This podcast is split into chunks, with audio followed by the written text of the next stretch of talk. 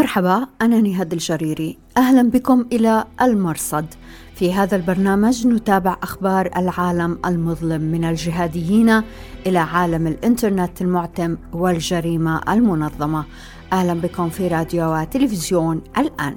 المرصد بودكاست على أخبار الآن.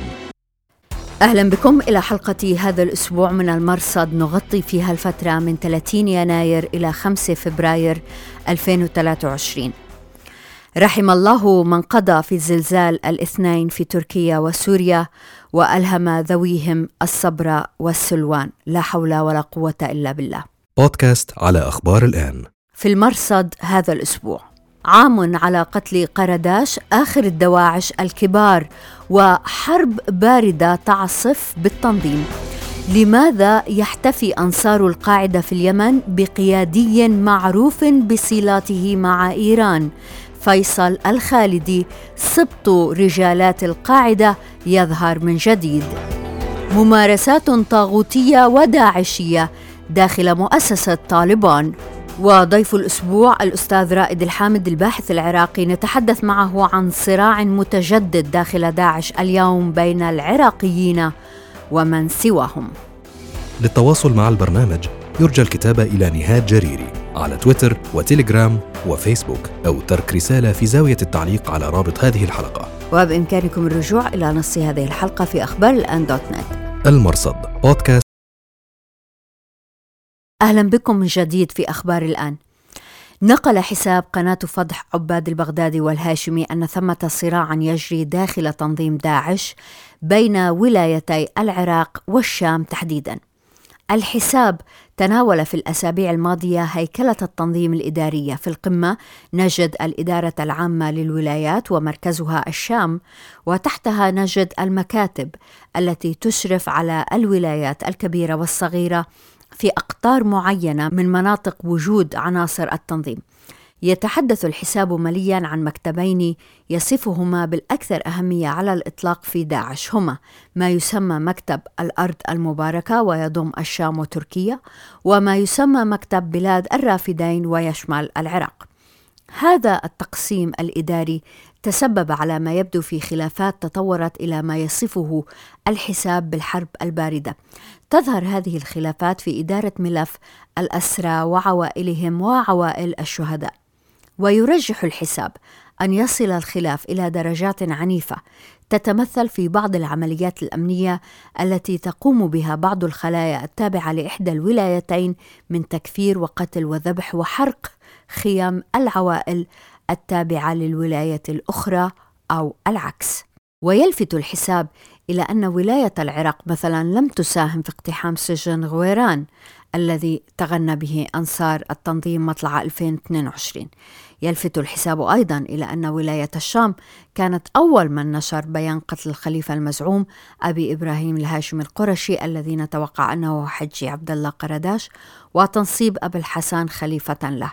من دون إشعار ولاية العراق الأمر الذي خلق قلاقل داخل المخيم وخارجه.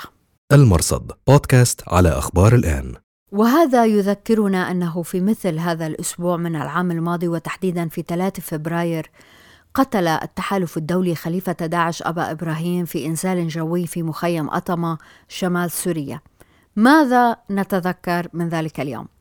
قرداش كان يسكن وزوجتيه ومساعديه في منزل من طابقين وكان يخزن المؤونة والوقود ويعيش عيشة لا تتوفر لأبناء المنطقة. عندما حاصر التحالف المنزل وطلبوا إخراج النساء والأطفال قامت إحدى زوجتيه بتفجير نفسها وأطفالها. قرداش تحصن في الطابق العلوي وفجر نفسه بحزام ناسف. تعليقا على الذكرى أعاد حساب قناة فضع عباد البغدادي والهاشمي نشر فيديو جلسة مناقشة رسالة الماجستير التي أعدها قرداش في جامعة الموصل وقال هذه يا سادة هي زبدة علم الرجل الذي أهدى رسالته لعلماء الصوفية وتحديدا لمن كان ديدنهم الخفاء وعدم الظهور. فيا لها من مصادفة يختم حساب قناة فضع عباد البغدادي. المرصد بودكاست على أخبار الآن. أطلق أنصار القاعدة حملة لمؤازرة فرع التنظيم في اليمن احتجاجا على استهداف التحالف أخيرا عناصر التنظيم في مأرب.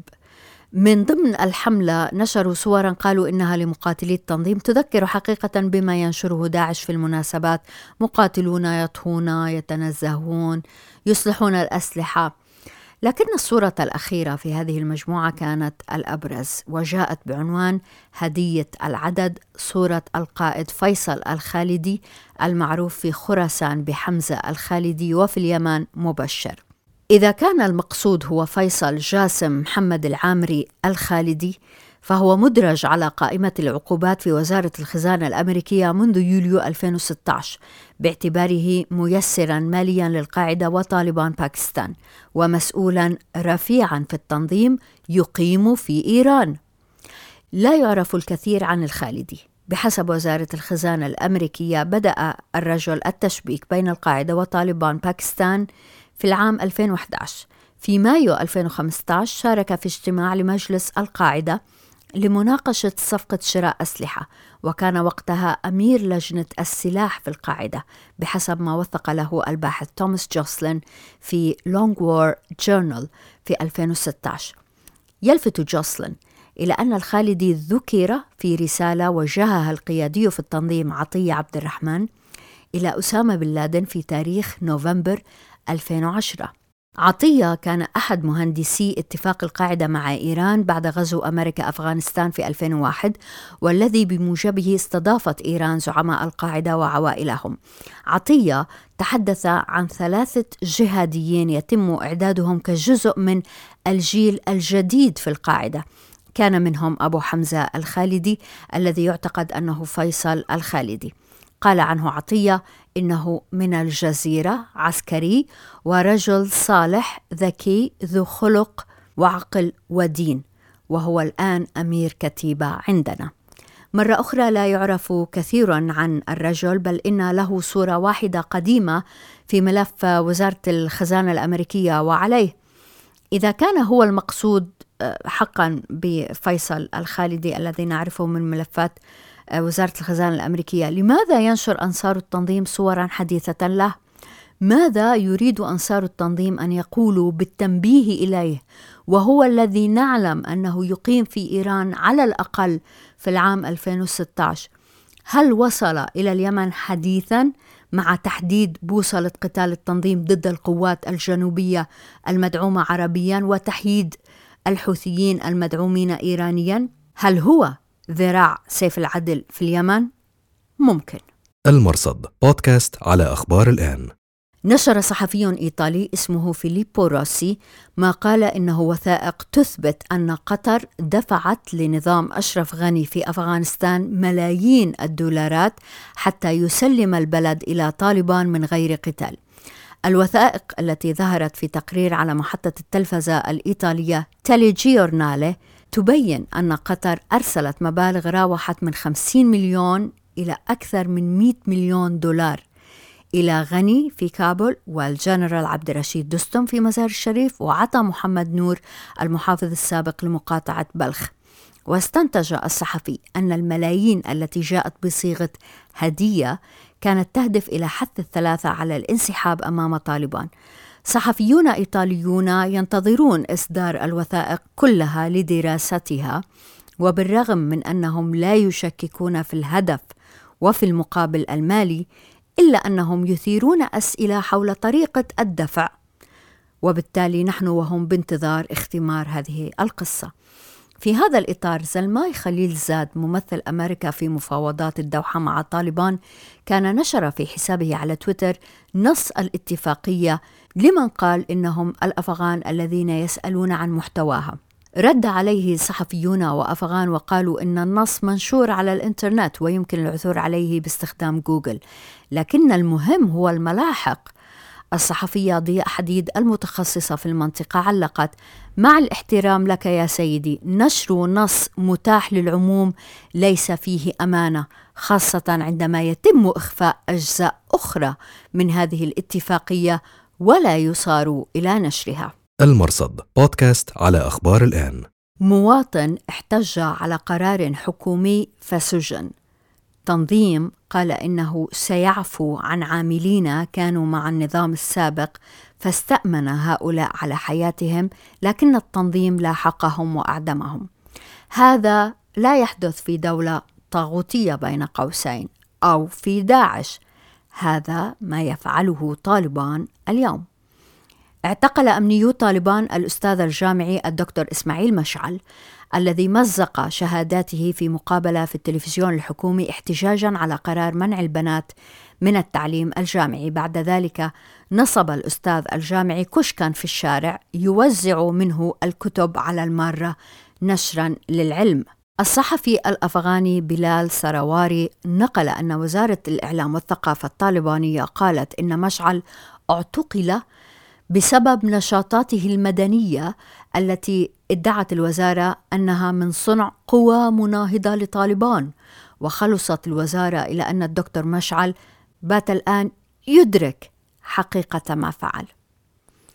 أما المستتابون فهؤلاء يذكرون بما فعل داعش بمستتابي العراق. هذه الأيام ترد أنباء من أفغانستان عن ملاحقة طالبان عناصر سابقين في الجيش الأفغاني واحتجازهم من دون أن يعرف مصيرهم لكن آخرهم كان اسمه صراط. عذب في السجن وجز عنقه ورميت جثته التي قطعت إلى نصفين. المرصد بودكاست على أخبار الآن. أهلا بكم دائما في أخبار الآن. اذا عام على قتل خليفة داعش المزعوم أبي إبراهيم الهاشمي القرشي عبد الله قرداش يأتي هذا في وقت نسمع فيه عن خلافات متجددة داخل التنظيم فما الذي يحدث؟ نرحب هذا الأسبوع بالباحث العراقي رائد الحامد.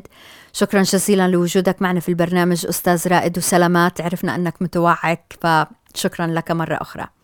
شكرا لكم. أستاذ رائد في مثل هذه الأيام قتل خليفة داعش المزعوم أبو إبراهيم اللي بنعرف أنه عبد الله قرداش. من ذلك اليوم حتى اليوم قتل خليفة آخر هو أبو الحسن والآن على رأس التنظيم أبو الحسين.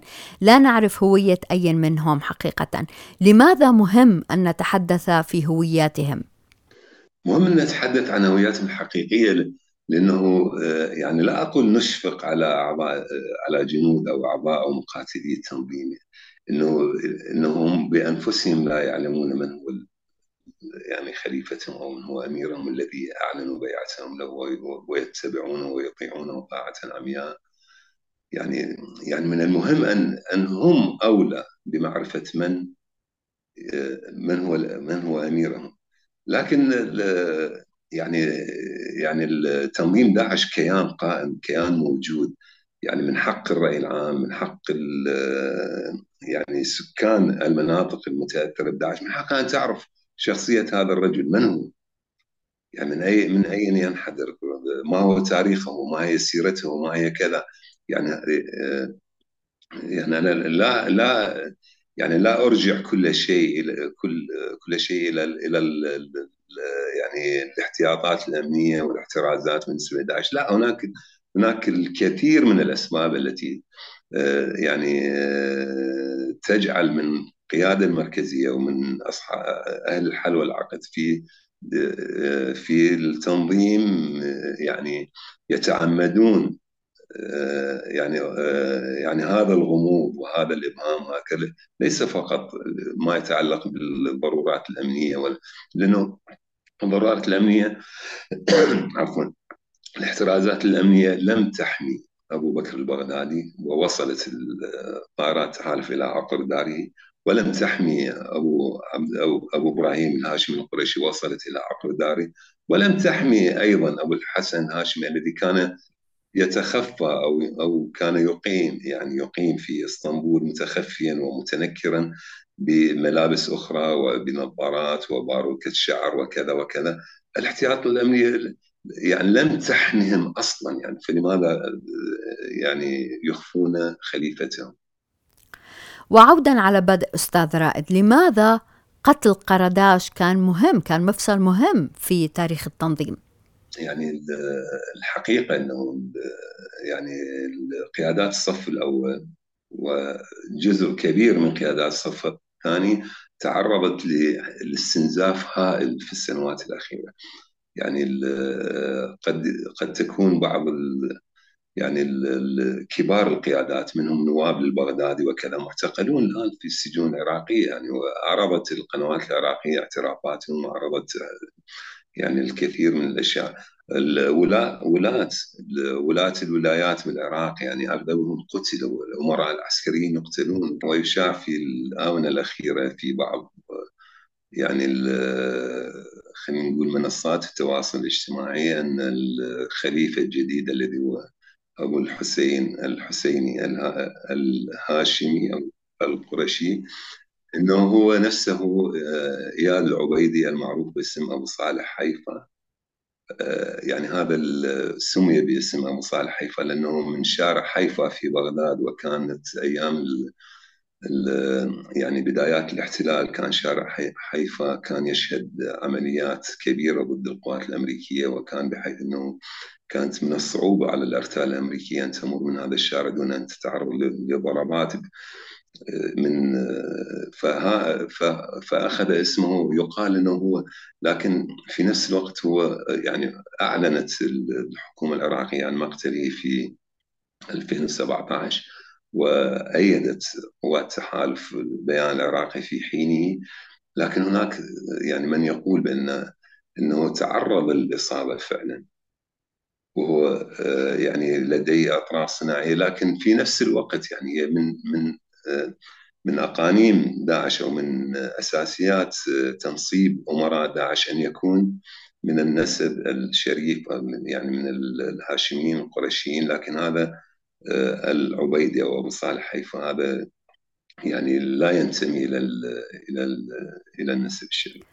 أستاذ رائد في اسم آخر مطروح الحساب المتخصص في فضح ممارسات داعش قناة فضح عباد البغدادي والهاشمي نشر من حوالي أسبوع أنه أبو سارة العراقي عبد الرؤوف المهاجر المسؤول عن الإدارة العامة للولايات هو من يتحكم في اختيار الخليفة.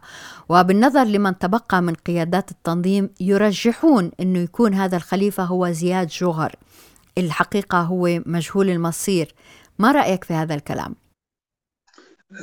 نعود إلى عبد الرؤوف المهاجر الذي هو كما تفضلت يحمل ابو سار العراقي وهو هو جبوري أيضا. يعني هذا يعني هو بالتأكيد يعني هذا رجل متنفذ جدا في التنظيم وبالتأكيد هو يعني صاحب سطوة قوية بالتنظيم معروف عنه إنه هو يعني يعني كان يمسك بتلابيب التنظيم بشكل كبير جدا يعني في في وجود بوجود البغدادي يعني هو دائما ملاصق لأمراء داعش يعني دائما ملاصق من الدائرة المقربة منهم يعني هم أصحاب النفوذ والقرار وقد يكون كما قالت قناة فضح عباد البغدادي قد يكون يعني له الدور الأكبر في تنصيب أمراء داعش بعد مقتل هذا أو ذاك وحتى يعني الولاة وغير وغير ذلك من المناصب الرفيعة بالتنظيم.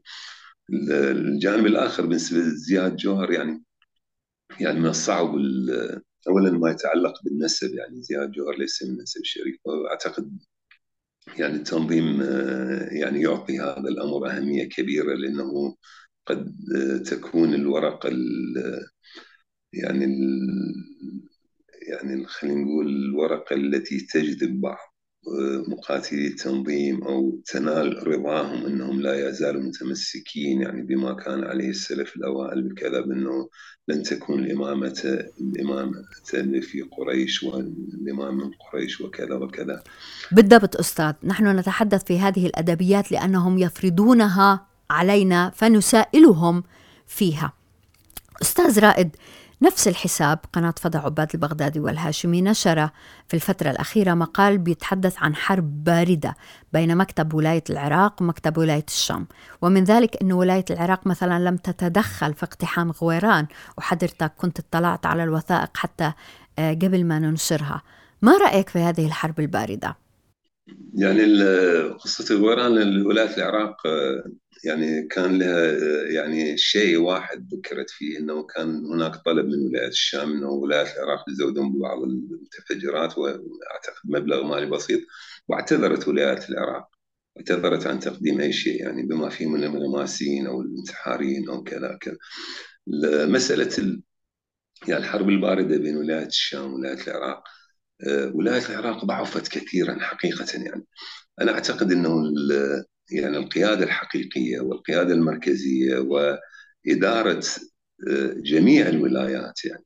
يعني قد تكون معظم الولايات قد تكون معظم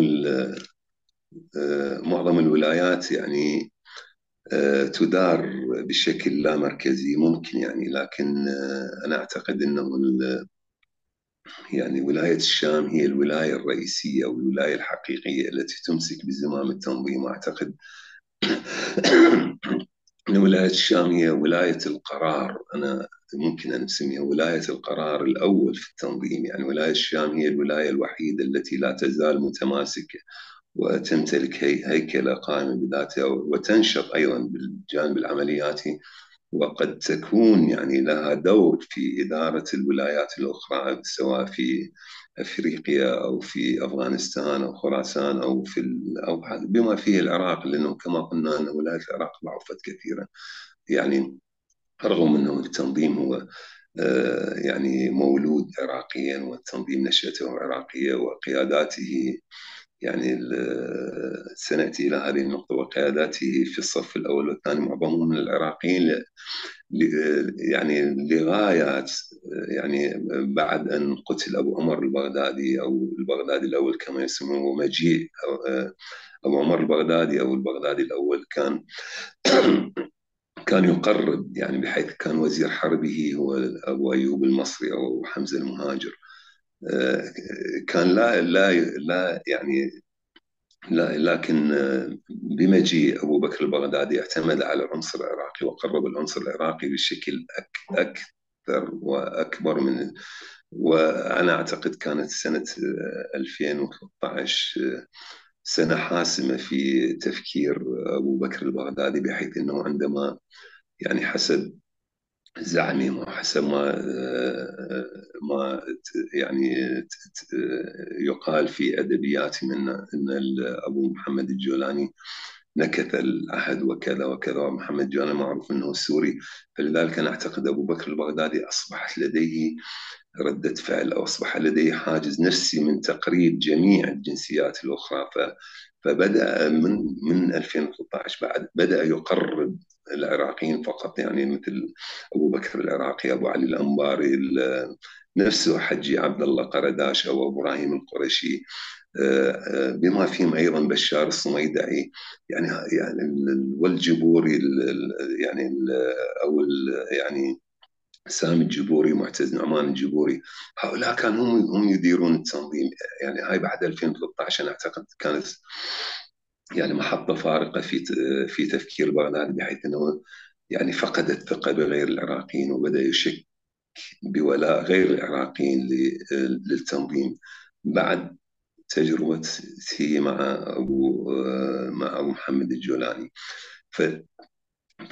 يعني ولاية الشام عندما تجد نفسها بهذه القوة وهذا النفوذ وهذا التماسك اللي كما قلنا يعني تختلف عن ولاية العراق وهي أقوى وأكثر تماسك و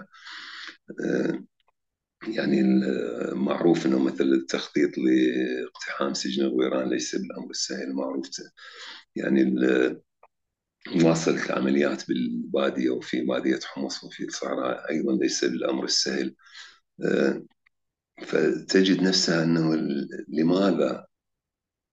لماذا مثلا مستبعد الشاميين أو أو غير العراقيين مستبعدين من قيادة تنظيمهم وهم الأولى؟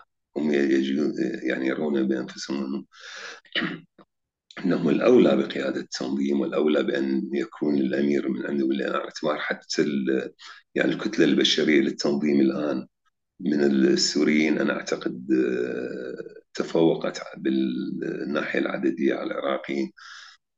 أيضا تقارير الأمم المتحدة عندما تفصل بوجود يعني تقرير مجلس الأمن الأخير الذي صدر أعتقد في يوليو الماضي عندما يفصل عن بالأرقام عن وجود مقاتلي داعش في سوريا والعراق.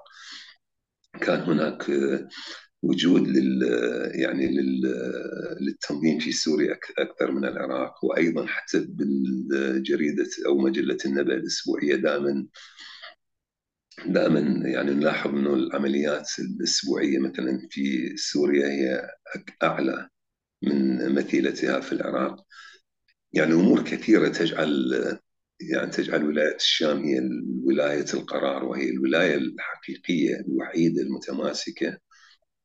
بالتنظيم وقد يجد أنه يعني سواء والي الشام أو نوابه أو عموم القيادات السورية يجدون أنفسهم هم الأولى بقياده أعتقد يعني هذا جانب مهم أيضا من جانب الصراع بين الولايتين أو التنافس بين الولايتين. الأستاذ رائد الحامد شكرا جزيلا لك وسلامات مرة أخرى. الله يسلمك الله يسلمك يا مرحبا. المرصد بودكاست على أخبار الآن. وشكرا جزيلا لوجودكم معنا في أخبار الآن. مرة أخرى رحم الله من قضى في زلزال الاثنين. أنا نهاد الجريري مع السلامة المرصد بودكاست على أخبار الآن